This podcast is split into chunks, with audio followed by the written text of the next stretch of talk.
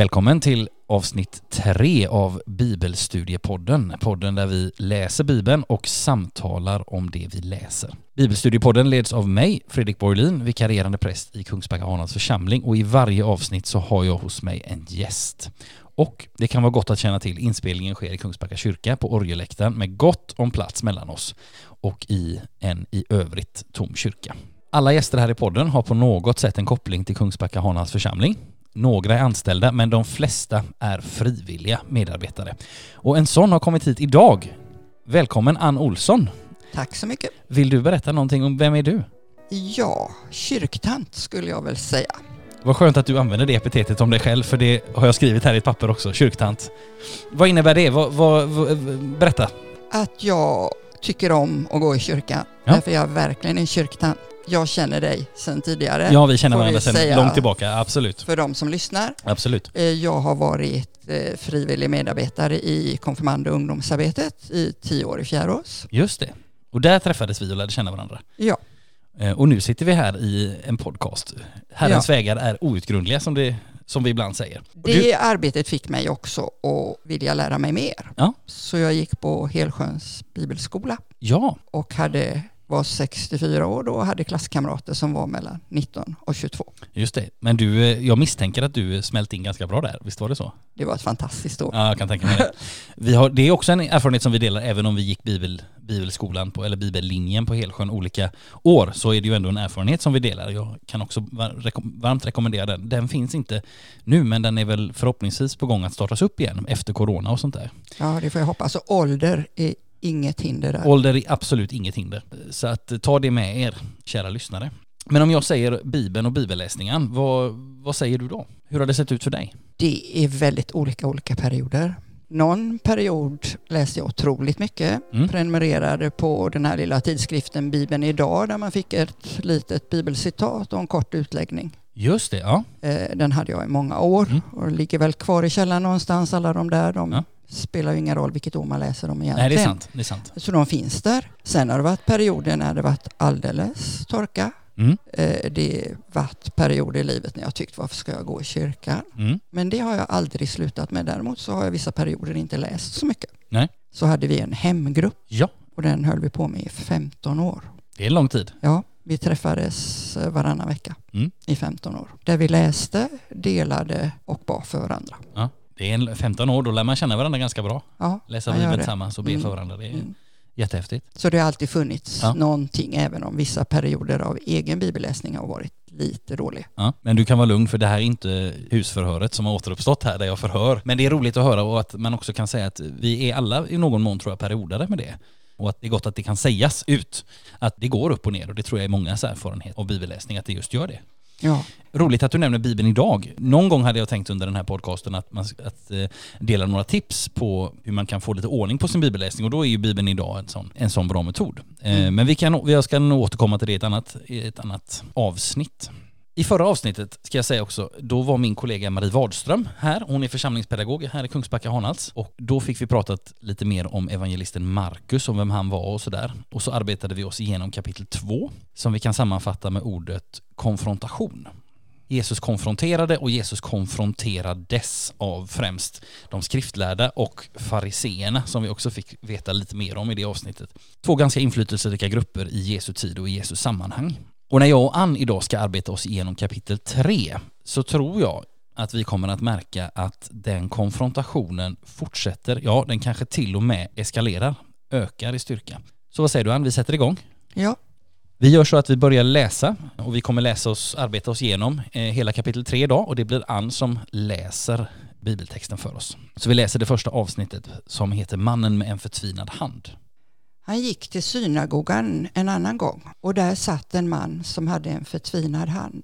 De höll ögonen på Jesus för att se om han skulle bota honom på sabbaten. De ville ha något att anklaga honom för. Han sa till mannen med den förtvinade handen, stig upp och kom fram. Sen frågade han dem, vad är tillåtet på sabbaten? Att göra gott eller att göra ont? Att rädda liv eller att döda? De teg. Då såg han på dem, fylld av vrede och sorg över att de var så förstockade. Och till mannen sa han, håll fram handen. Han höll fram den och den blev bra igen. Men fariseerna gick bort och började genast överlägga med Herodes anhängare om hur de skulle röja Jesus ur vägen. Tackan. Ja, det är intressant det här vi, vi, började i, vi började i ordet konfrontation och det kan man säga att det fick vi bekräftat ganska omgående. Jag tänker dels på den här formuleringen i, i vers 2, det här att de höll ögonen på Jesus för att se om man skulle bota på sabbaten, det vill säga de inte bara Tidigare har vi varit med om att fariseer och andra har kritiserat Jesus men nu är det till och med så att de sitter liksom och väntar på att eh, han ska göra olika saker som de på något sätt kan slå ner på eller anmärka på eller sådär. Sen kan vi också notera att en ny grupp dyker upp. För förutom fariseerna och de skriftlärda så, så står det här att fariseerna gick bort och började överlägga med Herodes anhängare. Nu har han fått en, en ny grupp av motståndare. Mm. Herodes anhängare eller herodianer. Helt enkelt anhängare till kung Herodes och till den eh, herodiska ätten. Det är ingen organiserad grupp som fariseerna är som är liksom en som man vet väldigt mycket om och som det står om på många ställen i antik litteratur och skriftlärda vet man också ganska mycket om. Men herodianer finns faktiskt inte, eller Herodes-anhängare finns faktiskt inte belagda någon annanstans förutom i Nya Testamentet. Någon form av grupp eh, med koppling eller med sympati till Herodes ett och kungahus. Vad tänker du när du läser den här texten? Ann? Jag tänker just det som du säger, att de faktiskt är där för att hitta något. Aha. De riktigt söker någonting. Ja de hittar ju någonting också. Han botar ju någon på sabbaten, det får man ju inte. Nej. Och sen så vill de röja honom ur vägen. Och då tänker jag, ja, de ser grandet hos Jesus, ja, men de det. ser inte bjälken hos sig själva. Nej, precis. Och det, ja, det är ju inte bara dem, vi är ju också sådana. Ja, visst är vi. vi har väldigt lätt att kritisera och glömmer bort ja. det vi gör själva. I eh, första avsnittet i den här podden eh, som jag spelade in tillsammans med eh, kollegan Viktor så, så sa han någonting som, eller så pekade han ut någonting som jag tycker är, är, väldigt bra. För han sa så här att vi vet ju faktiskt inte så mycket om vad Jesus undervisar om. För det, vi står ju på många ställen i Markus att Jesus undervisar och vi vet inte så mycket. Men frågan är om inte de här mötena med fariseer, skriftlärda, när Jesus tilltalar dem och pratar om att de är förstockade eller sådär. Och att det också kan vara en nyckel till och, och delar av Jesu undervisning. För vi konstaterade Hur då, menar du? Ja, att eh, vi konstaterade att Markus innehåller ju ingen, inget av de här stora undervisningssjoken. Som till exempel bergspredikan som finns i Matteus eller slättpredikan som finns i Lukas. Utan det står oftast bara i Markus att Jesus undervisar och så står det ingenting mer. Och frågan är om inte de här mötena med människor också kan vara lite nyckel till att förstå delar av Jesu undervisning. Och jag tror att när vi läser bergspredikan, nu ska vi inte göra det idag för att eh, nu pysslar vi med Markus, men, men då upptäcker vi att här finns, här finns nycklar och här finns länkar liksom. Vad säger du, Ann, ska vi läsa vidare? Ja, det gör vi. Ja, då ska du få läsa Folkmassan på stranden. Jesus drog sig undan mot sjön tillsammans med sina lärjungar. En massa människor från Galileen följde med, men också från Judeen, Jerusalem och Edumen och från andra sidan kring Jordan och trakten kring Tyros och Sidon kom människor i massor till honom när de hade talat om allt han gjorde. Han sa åt sina lärjungar att ha en båt till reds så att han slapp bli trängd av folkmassan. Han hade botat många och nu kom alla som led av någon plåga och trängde sig på honom för att få röra vid honom. Och när de orena andarna såg honom föll de ner för honom och ropade Du är Guds son. Men han förbjöd dem strängt att avslöja vem han var. Tack så mycket. Här ser vi några saker eh, som vi har sett förut. Markus började det här avsnittet med att berätta att Jesus drar sig undan precis som han har gjort i, i kapitel 1. Vi, vi får höra om att det är en massa människor från olika platser som följer med och till och med att folk kommer och tränger sig på honom för att få röra vid honom. Eh, ett annat, en sak som vi har sett innan det är också det här att demonerna vet vem Jesus är. Och Jesus förbjuder inte bara demoner utan också människor att berätta. Det har vi behandlat i ett tidigare avsnitt. Får jag fråga en sak där? Gärna. Varför förbjuder han demonerna att berätta vem han är? Nu blir det lite repetition här, det är utmärkt. Varför gör han det? Jo, alltså dels så förbjuder Jesus människor. Att, för det står att ryktet liksom sprids om Jesus sprids ut. Jesus drar sig liksom undan eller säger att du får inte berätta detta till olika människor som han helar och sådär. Jag tror att eh, när vi pratade om detta i avsnitt ett så, kom vi, så var det en vers där i kapitel 1 som är lite som en nyckel. Det är kapitel 1, vers 38. Då står det så här att Jesus pratar om att han ska gå till andra byar och predika och så står det så här, det är därför jag har gått ut. Det vill säga Jesus är inte bara en, han är inte bara en lokal helare, utan han är en global frälsare. Han har ett ärende till hela världen och mm. därför så måste han på något sätt prioritera också att budskapet kommer ut, inte bara att hjälpa Det här kan ju på ett sätt vara lite vi kan tänka så här, men vill inte Jesus hjälpa? Vill inte att han att det här ska bli känt? Jo, det vill han. Men han vill också själv berätta om sitt rike och få förkunna för människor och undervisa. Och därför så kan man ana att han är liksom, han är lite restriktiv med eh, hans helande verksamhet. Att det är egentligen bara en bonus eller ett bevis på att riket, eh, att det är det som är grejen så att säga. Men det, det förstår jag, för det Mm. framgår ju av texten här Ja. också. Han är så trängd så han vill ge sig ut i en båt för att Ja. komma undan. Mm. För att det blir för mycket och de kommer ju från alla möjliga håll. Mm. Och vad jag förstår så, han är väl runt trakterna runt Nasaret där någonstans. Och, Ja, uppe i Galileen Ja, och jag menar Tyros och Sidon, det ligger säkert en 10 mil norröver, så folk Ja, har ju gått ganska långt Ja, för att komma absolut. dit. Och det är klart, han kan ju inte ha för många, då kan han ju inte hålla på. Men det här med att andarna ändå, de onda andarna, Mm. liksom att han inte bekräftar för dem eller att andra onda andar, om man säger så, ska Mm. få veta att han är Guds son. Jag tror att eh, alltså när vi pratade i kapitel 1 och läste där om liknande saker så, så, så kunde vi konstatera att, att liksom andevärlden vet vem Jesus är. Mm. Alltså eh, Jesus spelar roll och Jesus möter motstånd i den andliga världen. Och varför säger han då tig till eh, de onda andarna? Förmodligen för att de inte ska berätta det för andra utan att Jesus vill att hans egen röst ska förkunna honom så att säga. Mhm.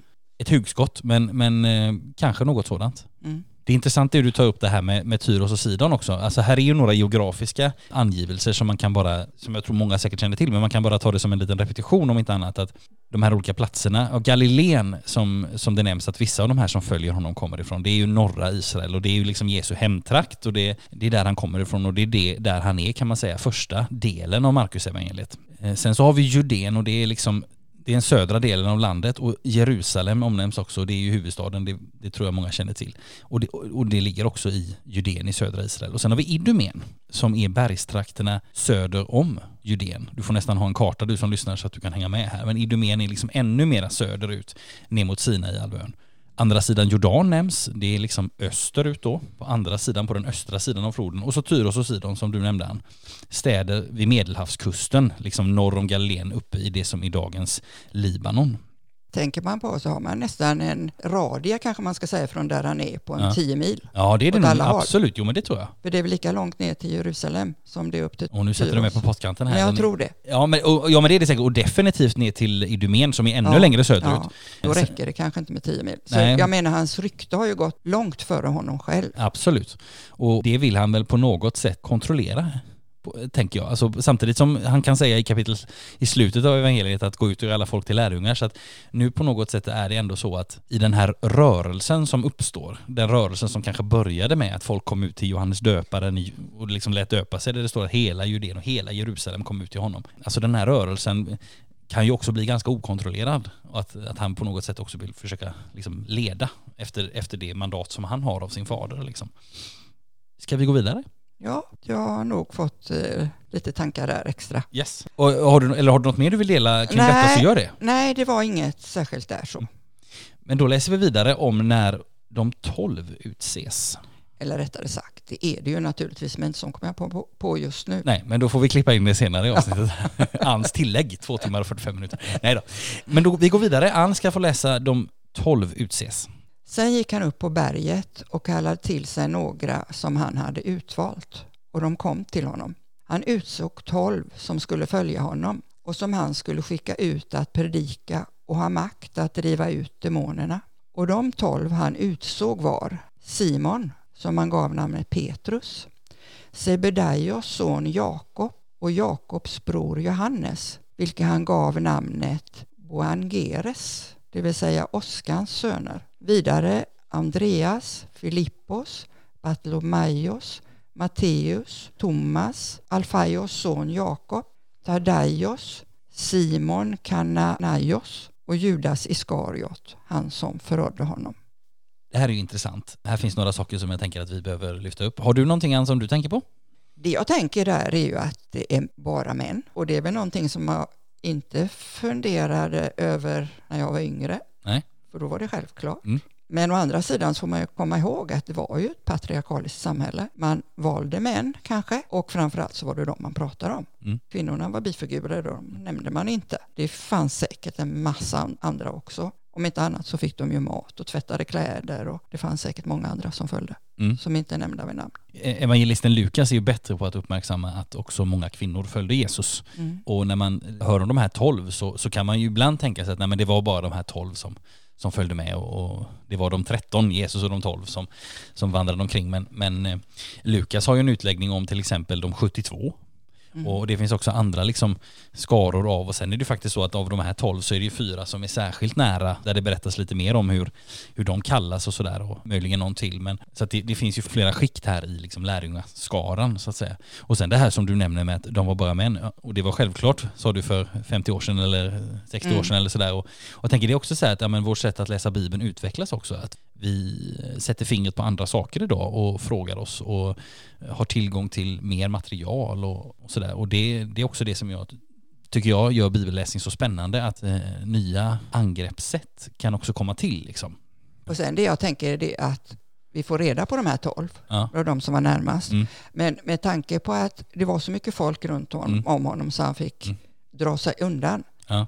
Så även i vanliga fall Mm. så fanns det ju massa människor som hängde på hela Absolut, tiden. ja, ja det är precis. Det är Och det var ett ju bärande säkert- tema. Säkert både män och kvinnor. Det, ja, det, det var det. Mm. Eh, Alltså, det, kan vi, det tror jag vi kan säga med, med väldigt stor säkerhet. Och sen tänker jag också så här, hur porträtteras de här personerna? Alltså, kanske framför allt Marcus evangeliet är ju också berättelsen, historien, beskrivningen av tolv lärjungar eh, som inte fattar så mycket. Som, som, som liksom de, eh, och vi- vi kommer komma in på det mer i ett par kapitel, ett par avsnitt framåt, men, men de förstår inte så mycket. Men däremot är det kvinnorna som är vid graven Mm. och, och få vittna om uppståndelsen. Det är ganska häftigt. Alltså att det, det, och då, är alla, då har alla lärjungar antingen flytt, förnekat honom eller, eller eh, förrått honom. Det Eh, känns bra när man är kvinna ska jag Ja, säga. ja det, och vi ska gå in med oss själva i bibelläsningen också. Så, nej, men det är intressant. Jag, jag tänker det som en, också en annan kul grej med just den här biten, en liten detalj som man kan notera, det är ju att Jesus går upp på berget och kallade till sig dem. Och då kan man fundera på varför skulle han gå upp på ett berg bara för att kunde han inte bara stannat där nere, tänker någon som är lite bekvämt lagd, till exempel jag själv. Kunde han inte bara stannat där nere? Ah, berget är ju ofta platsen för gudsmöten i Bibeln. Alltså Mm, Mose, just det. Mose tar emot kallelsen i form av lagen för Sinai på väg till, eh, liksom, som starten lite grann på, på uttåget. Och Elia möter Gud i den stilla susningen också på, vad är det, Horeb tror jag. Vi får kolla upp det. Men berget, är, Jesus är på härlighetens berg. Han korsfäst på Golgata, som i och för sig är ett litet berg, men ändå ett berg. Alltså det är avgörande saker i, i den bibliska historien sker inte sällan på berg. Så det ger oss en nyckel till att förstå att det här är, ganska, det här är en ganska viktig grej. Mm. Liksom. Jag tänker en annan sak, Mm. att vissa av de här är söner till någon och en är bror till någon. Mm. Och man kunde ju sagt att Sebedaios son Jakob och Johannes, Mm. men så skriver han inte. Undrar varför gör han så? Ja, det är en bra fråga. Varför har vissa eh, tillnamn och andra inte? Väldigt bra fråga. Jag skulle Jag kunna tänka mig att Jakob Alfaios son och Jakob Sebedaios son, det, där nämns de för att det ska vara lite skillnad. Alltså att det finns två Jakob och därför så är den ena Alfaios son och den andra är, är Sebedaios son. Så man ska helt enkelt skilja de två Jakob som finns i, i lärjungaskaran. Det skulle kunna vara en förklaring. En annan sak är att när men Markus berättar allt han vet om de här tolv. Det vill säga, han, han vet att den ene Jakob är Alfaios son och, och den andra Jakob är Sebedaios son och han har en bror som heter Johannes. Men om till exempel Thomas så vet han ingenting om föräldrarna och därför har han ingenting att berätta. Nej. Vi är ju så vana i Sverige med, med eh, personnummer och, och sådär idag så vi tänker att man, man kan få reda på allt om man går in på Facebook och ser att ha, den är, känner den och är släkt med den och så. Men det är inte säkert att Markus visste. Eh, han var ju inte med själv. Alltså Markus är en medarbetare i urkyrkan, det fick vi lära oss i förra avsnittet. Men det är inte säkert att han vet så mycket om lärjungarnas släktförhållanden. Så han kanske, han kanske berättar det han vet helt enkelt. Mm. Jag hade en liten tanke det här med Ja. Sebedaios söner. Mm. Det är ju Jakob och Johannes. Mm. De är ju bägge söner till Sebedaios. Jajamensan. Men han, det står ju Sebedaios son Jakob och Jakobs bror Johannes. Mm. Är det så att den äldsta sonen är liksom son till fadern? För Johannes var väl uppenbarligen ung Mm. och kanske yngre än Jakob Mm. då alltså. Och därför så benämns han inte Sebedaios son. Kan det, är, vara så? Alltså, re- jag tänker att det är rimligt. Att det är en rimlig förklaring. Jag kan inte säga att jo men så måste det vara, men det känns inte orimligt. Varför inte? Ett alternativ eh, skulle också kunna vara att han har liksom börjat, nu skrev ju inte Markus på svenska, men han skulle kunna ha börjat skriva Sebedaios son Jakob och så kommer han på, just det, jag skulle skriva Jakob och Johannes, men sen så när man skriver med pergament och sådär så, så suddar man liksom, man liksom river inte ut den och börjar skriva om för det är ganska dy, dy, dyrt skrivmaterial. Så att han helt enkelt har fått liksom snygga till det lite, ungefär som om man skriver på ett, eh, ja, man skriver på någonting med, med bläck på något fint papper som man bara har ett enda exemplar av och så nu blev det lite fel, nu får jag försöka rätta till det. Jag vet inte om det kan vara så. Det är lite spännande. Ja, det är lite spännande att tänka på, för jag håller med dig. Det, det är lite det här, och, och, och det är inte otänkbart att eh, din förklaring är nog mer trolig för att skriver han så här så vill han nog säga någonting. Mm. Frågan är vad? Ja, det är det vi inte vet. Nej, och det är det vi inte vet.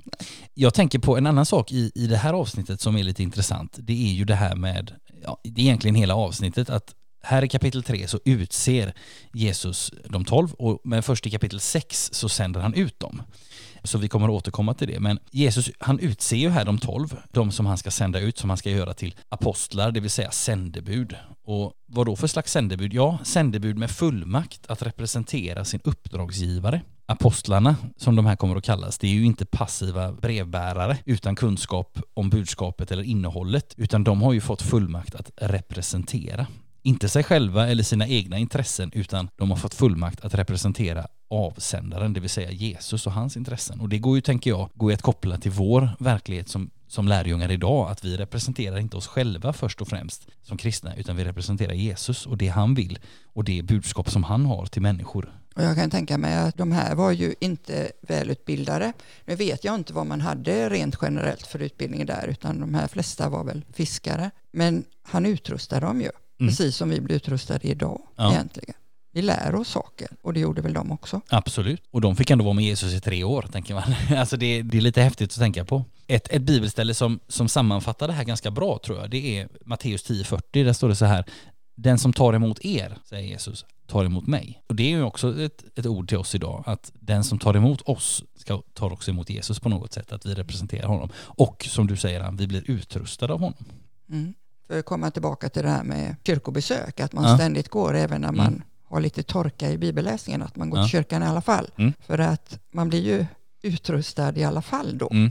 Även om det kanske är en gång i veckan. Ja. Och jag tänker det, det ska man inte, man ska inte förringa liksom gudstjänsten som bibelläsningssammanhang. Nej. Alltså för det är ju, vi får inte hela bibeln i kyrkan men vi får ett väldigt brett urval under tre år då i Svenska kyrkan med liksom, kyrkoåret med tre årgångar. Så att man får mycket bibel i kyrkan. Och vi, mm. vi, sen kommer vi se också längre fram i, i Markus hur också andra delar än bara textläsningarna också kommer ifrån bibeln. Det är också intressant här i det här avsnittet att det beskrivs redan här de sänds ju inte ut nu men det beskrivs redan här vad lärjungarna eller apostlarna ska göra. De ska predika och de ska ha makt att driva ut demonerna. Det vill säga de har ganska stor fullmakt. Det som Jesus gör, det gör lärjungarna. Mm. Det är också sånt där, tänker jag, ett memento till oss idag. Att ja, men det Jesus gör, det gör hans lärjungar. Och sen räknas de tolv upp. Och här finns det några saker som är, tycker jag, särskilt intressanta. Det här är väl kanske också en fråga om personligt tycke och smak, men det finns några namn i den här eh, uppräkningen som är lite intressanta, som väcker lite frågetecken. Det är det här som Boanerges, eller Oskans söner. Det är Kananaios och så är det Iskariot. De är inte helt lätta att förstå vad de betyder. Jag tänkte jag skulle bara säga någonting om de tre. För det första, Jakob och Johannes, Sebedaios söner, de får det här namnet Boanerges, eller jag är lite osäker på utmaningen, Boanerges kanske, jag vet inte. Och Markus förklarar att det vill säga Oskans söner. Och det här Boanerges, det går tillbaka på eh, en hebreisk rot eller en hebreisk konstruktion, Ben Roash eller Ben Roas, som betyder ungefär söner till Oskan eller söner till Dunder eller något sånt där. Det kan, de är söner till någonting som har med dundrande eller skakande och det kan vi tänka på i ganska vid bemärkelse, krig eller strid eller motståndarna man strider mot eller sådär. Och då är frågan varför kallas de för detta? Ja, en ledtråd det kan vara, som man ganska ofta pratar om i det här sammanhanget, det är Markus 9.38. Där det står att just Johannes då säger till Jesus att mästare, vi såg en som drev ut demoner i ditt namn och vi försökte hindra honom eftersom han inte hörde till oss. Det vill säga, de här båda bröderna är på något sätt, ska vi säga stridbara eller lite konfrontativa personer. En annan ledtråd skulle kunna vara lite senare i Markus i kapitel 10, där det står så här, en ganska välkänd text, det står så här, Jakob och Johannes, Sebedaios söner, gick fram till Jesus och sade, Mästare, vi vill be dig om en sak. Vad vill ni att jag ska göra för er? frågade han. De svarade, Låt oss få sitta bredvid dig i din härlighet, den ene till höger och den andra till vänster. Jesus sade, ni vet inte vad ni ber om. Kan ni dricka den bägare som jag dricker? Eller döpas med det dop som jag döps med? De svarade, ja det kan vi. Jesus sade, den bägare som jag dricker ska ni få dricka och det dop som jag döps med ska ni döpas med. Men platserna till höger och vänster om mig kan jag bara ge dem som har bestämts därtill. Det vill säga, de båda bröderna har på något sätt, vad ska vi säga, dundrande personligheter. De tvekar inte att ta för sig och ber om stora saker på något sätt. Personligen tror jag kanske mer på den första förklaringen. Att Oskars söner ska syfta på ett drag av liksom stridbarhet i brödernas personlighet. Å andra sidan kan man tänka att den första förklaringen behöver inte utesluta den andra. Man kan ju faktiskt vara så att säga stridbar och också vara en liksom dundrande personlighet som inte tvekar att ta för sig om saker. Så att säga, det, man kan ju vara båda de två, ungefär som att det kan vara både julafton och måndag på samma dag. Så att så va. Men, men, men det är intressant det här att de får det här namnet. Sen om vi tittar på Simon Kananaios, så de flesta sådär bibelforskare, de förstår den här termen som att den kommer från en ordrot i arameiskan som betyder någonting i stil med iver eller nitiskhet eller upproriskhet. Och det här brukar uppfattas som att det handlar om ett personlighetsdrag hos Simon. Eller ännu mer populärt, som att han är medlem av någon form av judisk motståndsrörelse som motarbetar den romerska ockupationsmakten. Än en gång, som vi har sagt i tidigare avsnitt, så kan vi titta oss omkring i Bibeln för att få lite mer ledtrådar. När Lukas i sitt sjätte kapitel berättar om samma händelse, alltså när Jesus utser de tolv, så skriver han följande om Simon, Simon som kallades Seloten. Och den termen selot, den pekar ännu tydligare i riktningen att den där Simon, han var med i någon form av motståndsrörelse. Och när vi läser evangelierna så behöver vi försöka komma ihåg också det här att Israel, det var belägrat av romarna. Det, kan vi, det kommer vi lätt ihåg när vi läser Lukas 2 om kejsar Augustus och det går ut ett påbud och hela världen ska skattskrivas. Men vi behöver komma ihåg det även när vi läser Markus 3. Israel var belägrat av romarna och människor längtade efter befrielse, vilket gjorde att många hoppades och trodde att Messias, som vi kristna ju menar att Jesus är, att Messias skulle komma också med en politisk befrielse, att romarna skulle köras ut och Israel som kungadöme skulle återuppstå ungefär som i kung Davids tid. Liksom. Och de förhoppningarna, de behöver vi ta med oss till senare i den här bibelstudieserien när vi ser hur det gick med Jesus och hur de människor som hyllade honom när han kom ridande i kapitel 11 sen kan eh, ropa korsfäst i kapitel, vad är det, 15 tror jag. Så de förhoppningarna behöver vi ta med oss. Mm. Och det tredje namnet, Judas Iskariot, ska vi vänta med. För att Judas kommer att komma tillbaka och där finns det så oändligt många förklaringar till vad det namnet kan betyda. Så det tar vi i ett annat avsnitt. Ja. Det blir lite som en, en cliffhanger här. Mm. Om man ska säga en sista sak så är det intressant hur det här avsnittet slutar. Det står i den sista versen så här, och Judas Iskariot då, han som förrådde honom. Vi nämnde ju allra, allra först i det här avsnittet att motståndet ökar. Det är fariseer och det är skriftlärda, de känner vi sedan gammalt. Eller i alla fall sedan två avsnitt tillbaka. Sen är det Herodes anhängare. De har kommit till nu. Sen är det andevärlden som också har funnits med ett tag. Och så nu så finns också motståndet inifrån Jesu egen lärjungakrets. Så att man kan lugnt säga att hotet finns från alla håll. Motståndet, ondskan, sparar inte på krutet utan är ganska aktiv. Ska vi läsa vidare? Vad säger ja. du? Mm? Vi lämnar det. Jag skulle kunna fråga mer om Judas Iskariot men jag förstår att du tar det senare. Jag ska göra det. Jag kan, jag kan säga som en cliffhanger att jag tror att det finns minst 30 olika förklaringar till hans tillnamn. Och till Viss... valet tänker jag. Och till valet också, ja. ja. precis. Och det lär vi säkert, eller det lär vi komma tillbaka till också. Eh, men vi får vänta lite där. Eh, men vi går vidare. Ann ska läsa Demoner drivs ut med Guds ande, heter nästa avsnitt. När Jesus kom hem samlades folket på nytt så att han och lärjungarna inte ens kom åt att äta. Hans anhöriga fick höra det och gav sig iväg för att ta hand om honom. De menade att han var från sina sinnen. De skriftlärda som hade kommit ner från Jerusalem sa att han var besatt av Belsebul och att det var med demonernas furste som han drev ut demonerna. Han kallade dem till sig och talade till dem i liknelser. Hur kan Satan driva ut Satan? Om ett rike är splittrat kan det riket inte bestå. Om en familj är splittrad kan den familjen inte bestå. Om Satan gör uppror mot sig själv och splittras kan han inte bestå. Det är slutet för honom. Ingen kan gå in och plundra en stark man på vad han äger om man inte först binder honom. Sen kan han plundra hans hus. Sannerligen, människorna ska få förlåtelse för allt, för sina synder och för sina hädelser, hur de än hädar. Men den som härdar den heliga anden får aldrig någonsin förlåtelse utan är skyldig till evig synd. De hade ju sagt att han hade en oren ande. Tackar. Vad är det första du vill stryka under här? Här vet jag att du har några saker på gång för vi har pratat lite innan sändningen börjar. Vad vill du ta upp? Det här Jesu förklaring till varför det inte, han inte kan vara en ond ande som Mm. driver ut onda andar. Mm. Den är ju klockren. Ja, Man behöver ju liksom inte vidare förklaringar där. nej. Och med tanke på att Jesu liknelser ofta är ganska svåra att förstå Ja, så är den här väldigt, väldigt tydlig. Mm.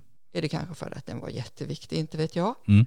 Men jag tycker den är klockren. Ja. Ingen kan beskriva det bättre än han har gjort här. absolut. Alltså, vi, vi stöter på olika sätt som Jesus möter sina ska säga, motståndare, fariseer, skriftlärda och så vidare. Och ibland är det ju så att Jesus liksom, han gör ett statement, alltså att han säger att, eh, som i kapitel 2, människosonen är herre över sabbaten till exempel. Det är ju, oj, det här är ett, det är ett statement liksom. Men här handlar det inte om att Jesus gör statement, utan precis så som du säger att det här är ju ett logiskt resonemang. Mm. Alltså det, det som eh, motståndarna här påstår, det är ungefär som att vi skulle gå förbi Kungsbacka brandstation och så skulle jag peka på en brandbil och säga du vet att eh, den fyller de upp med bensin som de har att släcka eld med. Nej, det är ju, det är ju helt ologiskt liksom. Och på samma sätt, nej men ondska kan inte motarbetas eller bekämpas med mer ondska eller annan ondska, utan bara med godhet. På samma sätt som man inte kan släcka eld med bensin. Mm. Jag tycker det är intressant det här i, i början också, att eh, hans anhöriga fick höra hur mycket det var att göra. Att de inte ens hann äta. Och så ger de sig av, eller ger de sig iväg för att ta hand om honom. De menade att han var från sina sinnen. Ja, men det är klart om man försöker predika ett budskap som är så annorlunda mot vad folk har hört förut Ja, i, kan man ju inte bli profet i sin hemstad. Det är, nej ju det är ett, sant. det är ju ett talesätt som kanske kommer från det här. Ja, ja precis. Ja, det, ja, ju Jesus det. säger det på ett annat ställe. Det, Och det, det är klart att de undrade vad håller han på med? Han Mm. Ja. drog en massa folk med Mm. sig och vi får ta hand om honom. ja. Det är ju För kärlek. Ja, jo men absolut. Och det, det är kärlek och jag tänker också att frågan är, fr, frågan är så här om alla som de här, alla de här personerna som följde Jesus, för det var ju många stora skaror, det har vi hört om innan. De tror att han är från sina sinnen och då kanske vi lätt tänker att ja, men de, de trodde att han hade blivit galen. Och det nå- på ett sätt så kan det vara det att han, han predikar det här radikala budskapet samtidigt får han ju väldigt många efterföljare. Mm. Så att, men det kanske inte är, är bevis nog riktigt. Jag, jag läste i någon sån här bibelkommentar som, som menade på att nej, men de är oroliga för att han är utbränd. Och så, och så den, här, eh, bibel, den här personen som har skrivit det här, han, han leder i bevis då att ja, men det står ju precis versen innan här att lärjungarna och, och, och Jesus de kom inte ens åt att äta. Alltså att eh, det här kallelsen, yrket, eh, eller yrket är ju fel ord, men kallelsen hade liksom gått in så att de hade liksom slutat ta hand om sig själva i fysisk bemärkelse. Mm. Sen tänker jag också att det, är, det finns ett annat tema som, som vi kommer att se i nästa avsnitt som vi läser det här med att, alltså att Jesu familj var inte direkt de första att börja tro på honom, så att säga. I, i Johannes 7 eh, så kan vi läsa, eh, Johannes skriver där att inte heller hans bröder trodde på honom. Däremot så, så står det i Apostlagärningarna att eh, efter uppståndelsen där så, eh, så står det om lärjungarna som är kvar då att alla höll ihop under ständig bön tillsammans med några kvinnor Maria, Jesu mor och hans bröder. Så att de kommer ju liksom in igen. Och dessutom är det så att man brukar säga att Jakob, som har skrivit Jakobsbrevet i Nya Testamentet, det är Jesu bror. Så att, eh, men här så kan det vara så att de, in, de, de ja men som du sa innan, det här budskapet är lite för radikalt för dem Mm. eh, på något sätt så de kan inte ta emot det. Sen tycker jag det finns en, här finns en intressant, vi ska, vi ska gå vidare, vi ska strax prata om det här som jag tror, eh, som vi verkligen kan haja till på här, Mm. det här med synda mot den helige ande. Men dessförinnan så skulle jag bara vilja stryka under en sak. Eh, här finns en ganska lite dold beskrivning av Jesus. Vad då menar du? Ja, för han säger så här att ingen kan gå in och plundra en stark man på vad han äger om han inte först binder honom, sedan kan han plundra hans hus. Och där har jag en gång hört en utläggning om den som, som är att den starke mannen, det är den onde och allt vad han äger, det är människor. Och så är det Jesus som i sin död och uppståndelse binder honom och nu vill plundra hans hus, det vill säga han vill ta med sig så många som möjligt av de som är bundna av ondskan på olika sätt, alltså bundna av sjukdom, bundna av beroenden, bundna av eh, massa olika saker. Men Jesus har liksom redan bundit den starke mannen och nu så tänker han plundra hans hus. Jag tycker att den är lite, det är bara en enda vers och så gjordes det en utläggning om det här som var, eh, som jag minns än idag. För det var inte igår jag hörde den. Jag tyckte den är ganska, jag, jag gillar den på något sätt. Jag får nog tänka lite till innan, Ja, jag, det innan Det det går in i... Ja. Jag, jag känner Jag klarar inte ens av att ställa en fråga där just nu för tanken var så ny. ja, nya tankar är också välkomna. Så det, Ja. det är helt okej. Men vi, vi, ska, vi, vi behöver inte eh, stanna med vid den, utan vi kan Vi fortsätter. Vi fortsätter, för, för när vi pratades vid, jag och Ann kan jag säga till er som lyssnar, vi tog en promenad här i ett iskallt Kungsbacka och pratade lite grann och då kom vi ju in på detta med, med att he, häda mot den helige ande. Och vad betyder det? Vad tänker du där Ann? Ja, det var ju det som är lite svårt. Mm. Det, ehm, de säger ju att Jesus är ond och då härdar de ju mot Jesus Mm. eh, och mot den helige ande när de säger att han är ondskan. För det, det står ju också det, det sista, de hade ju sagt att han hade en oren ande. Ja, just det. Och det är det som är deras synd här då. Mm. Och sen är ju frågan om, om vi kan härda mot den helige ande. Ja men precis, jag läser också den här eh, sista versen som lite som en förklaring på varför Jesus tar upp det här. Mm. Och jag, jag läser också den här, det som Jesus säger som en varning snarare än ett konstaterande. Det vill säga att han säger till dem han pratar med att ta det nu lite lugnt här. Jag tänker att Jesus på något sätt varnar dem han talar med. Han hade sagt att de hade en oren ande. Betyder det att de har hädat en helig ande? Inte säkert, men, men de befinner sig uppenbarligen i någon slags gränsland för annars hade inte Jesus tagit upp det här tror jag. Nej. Det här är ju förmodligen en av Nya Testamentets mest varnande och en av Nya Testamentets mest diskuterade texter. Det finns verser i Bibeln som man kan sitta och spekulera i timmar ganska mycket och ganska fritt kring. Jag tror inte att den här versen är en av dem. Jag tror man ska vara lite varsam här, så det ska vi försöka vara. Det vi bör göra, det är att notera välsignelsen som kommer alldeles före, eh, alldeles innan för det första. Alltså löftet om förlåtelse som är mycket långtgående. Och det är också grunden till att förstå det som Jesus sen säger. Han pratar om hädelser och att människor ska få förlåtelse hur de än hädar, till och med mot Gud själv eller mot Jesus själv. Men, och sen, är det, sen kommer det här med att häda mot den heliga ande, vad är det?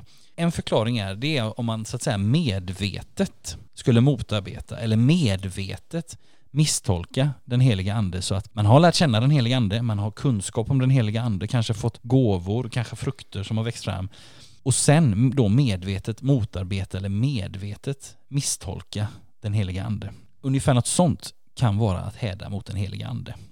Kan man tänka också att den som hädar mot den helige ande, hur man nu gör det i och för sig, kanske inte vill ha den där förlåtelsen som man skulle kunna få, för man vänder sig så bort ifrån allt vad Jesus står för och den helige ande. Jag funderar nästan på om, om det ens är möjligt att göra det. Härdar mot den helige ande menar du? Ja, alltså på något sätt. Det är klart att annars hade Jesus inte varnat för det, men, men det här att om man har erfarit den heliga ande och lärt känna den heliga ande, vad i en skulle då, jag menar att, att människor hädar saker som de inte tror på själva eller häcklar politiska åsikter som de inte delar. Alltså det är ju inte så konstigt och det sker ju dagligen och det är ju kanske inte speciellt uppbyggligt men det sker ändå. Men att häda den heliga ande skulle vara att så att säga häda någon som man verkligen på djupet har lärt känna och som har liksom fått leda ens liv liksom. Och att göra det på ett medvetet sätt, ja där någonstans kanske. Mm. Men gör man det, då vill man ju inte ens ha förlåtelse. Nej men, det, nej men precis, nej det borde vara en logisk ko- konsekvens av det. Och då blir det ju, då blir det ju ännu mer logiskt egentligen. Ja, på ett sätt blir det det. Då slipper jag det. Sen händer det, sen tänker jag också så här, det händer att människor tänker tanken, men tänk om jag har gjort detta? Och ett sånt där klassiskt svar på den frågan, eller på den funderingen, det är att om du har funderat på om du har gjort det, så har du inte gjort det. Mm. Nu kan man, det vara så att man lyssnar på detta så börjar man precis fundera på det och då är konsekvensen av det att man inte har gjort det. Jag har själv frågat någon någon gång, men hur ska man tänka? Och då fick jag det här svaret och det kom sig inte på igår så att säga, utan det är, det är sen gammalt. Mm. Men det är tröst i det. Ja, men det är tröst i det. Mm. Eh, och det är också, och det, det är också det här som vi varit inne på tidigare i avsnitt, tidigare avsnitt, att vad läser vi och vad läser vi inte? Och vi, vi tenderar också att när vi läser den här, tror jag i alla fall, när vi läser det här avsnittet, att den där välsignelsen som var i versen innan, som pratar om att människor ska få förlåtelse hur de än hädar och alltså vi hoppar så lätt över det och så direkt så ser vi hotet va. Och det är klart att vi ska se hotet, men vi måste också se välsignelserna och löftena. Men det är en svår text det här och vi ska inte försöka göra den lättare än vad den är. Nej. Ska vi, ska vi se, vi har ett avsnitt kvar, visst är det Mm. så? Ja, men vi tar och läser det. Det är Jesu familj. Ja. Nu kom hans mor och hans bröder. De stannade utanför och skickade bud efter honom. Det satt mycket folk omkring honom och de sa, din mor och dina bröder är här utanför och söker dig. Jesus svarade dem, vem är min mor och mina bröder? Han såg på dem som satt runt omkring honom och sa, det här är min mor och mina bröder. Den som gör Guds vilja är min bror och syster och mor. Vad tänker du när du läser de här verserna? Jag tycker med en gång att han, han förnekar inte sin familj. Han Nej. inkluderar oss andra i Ja, sin familj. Och det är så tröstrikt. Ja, jag tror för många, det här pratade vi också innan om, att det finns de som, som just ser det här, men förnekar han, eller liksom stöter han bort sin liksom, biologiska familj? Mm. Och det är återigen det här, vad läser vi inte? Alltså, han får besked om att din mor och dina bröder är utanför och väntar på dig, eller utanför och söker dig. Jesus svarar dem, vem är min mor och mina bröder? Han säger inte, ja de som står där utanför och letar efter mig, de är absolut inte min mor eller mina bröder. Det säger han inte, utan han säger, vem är min mor och mina bröder? Jo, den som gör Guds vilja. Det vill säga, han exkluderar inte dem, utan han snarast bygger upp till en poäng. Mm. Och så, precis som du säger, så inkluderar han. Mm. För de personerna kan vara hans mor och hans syster och hans bror. Men inte hans far. För det finns bara en som kan vara. Mm. Men, men eh, mor och bror och syster Det var en eh, poäng du. eh, kan man göra. Men inte far. Det är också det här, vad läser vi inte? Det är ibland, kan vi hitta massvis. Mm. Sen finns det också kopplat till det här avsnittet, för vi, eh, det, vi, vi försöker göra så här, sen får vi se hur eh, kontinuerliga vi blir, men att det ska finnas någon, någon liten slutfråga eller någonting. Och de kommer att vara återkommande de här frågorna eftersom det är olika gäster. Och det här avsnittets fråga är hur kan man sammanfatta Bibeln eller hur kan man sammanfatta kristen tro? Vad tänker du där? Jag tycker det är svårt att sammanfatta det utifrån det här kapitlet, men jag vet Mm. inte om det var så du tänkte. Nej, inte det minsta. Nej. Då får det vara någon mer genialisk person Ja. som tänker. För mig så är det liksom två saker egentligen. Mm. Det är min tillit och den tycker jag att den är tydligast för mig i Sankt Patricks bön. Och den finns också som, den är tonsatt, Mm. men eh, den är ju bara en liten, liten del av en betydligt längre bön. Men det är ju den som är känd, den här lilla biten. Just det. Jag har eh, sett en annan variant än just själva melodin, den som är där, som jag gärna skulle vilja läsa för att den förklarar hur jag kan känna mig så trygg i min tro Mm. och hur den kan förklara det. Varsågod och läs. Det ser ut som om jag går ensam, men det gör jag inte. Kristus följer mig. Du kan inte se honom, men jag vet att han är inom mig, bakom mig, framför mig, vid min sida, under mig, över mig. Han går med mig. Han tröstar mig. Han upprättar mig. Han är med mig i fara och fred. Han är med dem jag älskar och mina vänner. Han är med främlingen jag inte känner. Och i den här långa Sankt Patricks bön som finns på en bönsköld Mhm. som Mm. han fick, tror jag, Patrick då i något slag av något slag. Jag är lite osäker på vad det rör sig om, men han fick en bensköld. Mm. Eller bönsköld. Och Mm. i både början och slutet på den bönen så talar han om att han är väldigt medveten om att Gud är treenig och universums skapare. Det står bönen både inleds och avslutas med det. Mm. Jag har inte den exakta ordalydelsen men det är Nej. det. Sen är det en sak till som för mig är kristen tro. Mm. Det är Guds nåd. Mm. Att jag får någonting som jag inte har gjort mig förtjänt av faktiskt. Mm. Jag får det alltid. Och det är, det är det jag har att säga om det. Ja, amen säger jag då. Skönt, jag kan ta semester nu här för vi har predikanter till hans här. Tack Ann, underbart att du delade detta. Jag Tack så tänker, mycket. Det var roligt att få vara med. jag tänker, jag har två också så korta bilder av, av hur man kan sammanfatta Bibeln i kristen tro. Sen, det finns ett svar som är sådär, som jag kan tycka är standardsvaret, nämligen Johannes 3.16, som låter så här, välkänt bibelord. Så älskade Gud världen att han gav den sin enda son för att de som tror på honom inte ska gå under utan ha evigt liv. Ja, den här versen kallas ju till och med för lilla bibeln för att den liksom sammanfattar Bibelns budskap. Versen talar om vem Gud är, att Gud älskar, men Guds kärlek är också sån att han agerar. Han ger den värld som han älskar någonting och det som han ger, det är inte bara något utan han ger allt. Han ger inte världen en av sina många söner utan han ger världen sin enda son. Och så kommer det en konsekvens till oss, eller snarare en inbjudan. En inbjudan till räddning och till evigt liv. Det är den ena bilden. Sen har jag faktiskt hittat på ett annat ställe på YouTube så, så finns det en snubbe som heter Pastor Landon som eh, gör korta filmer om olika bibelböcker. Man kan söka på Full Bible Walkthrough, alltså fullständig bibelgenomgång. Och i, i slutet av nästan varje, nästan varje video där så har han sju grejer som han menar liksom sammanfattar Bibeln och i någon mån också sammanfattar kristen tro. Och de är så här, jag läser dem på engelska först för han, han snackar på engelska. Och så tar vi dem på svenska sen, lite fritt översatt. Då är de här sju. God created, man fell, Jesus promised, Jesus fulfilled, Jesus followed, Jesus returning och the Bible is God's word. Alltså på svenska då fritt översatt, Gud skapade, människan föll, Jesus utlovad, alltså profeterna och sådär. Jesus uppfylld, Jesus följd, Jesus återvänder och Bibeln är Guds ord. Det är också ett sätt att, att sammanfatta. Mm. Eh, Men av de här tre så, om man får välja en favorit så väljer jag nog din Ann. Tack för det. Ja.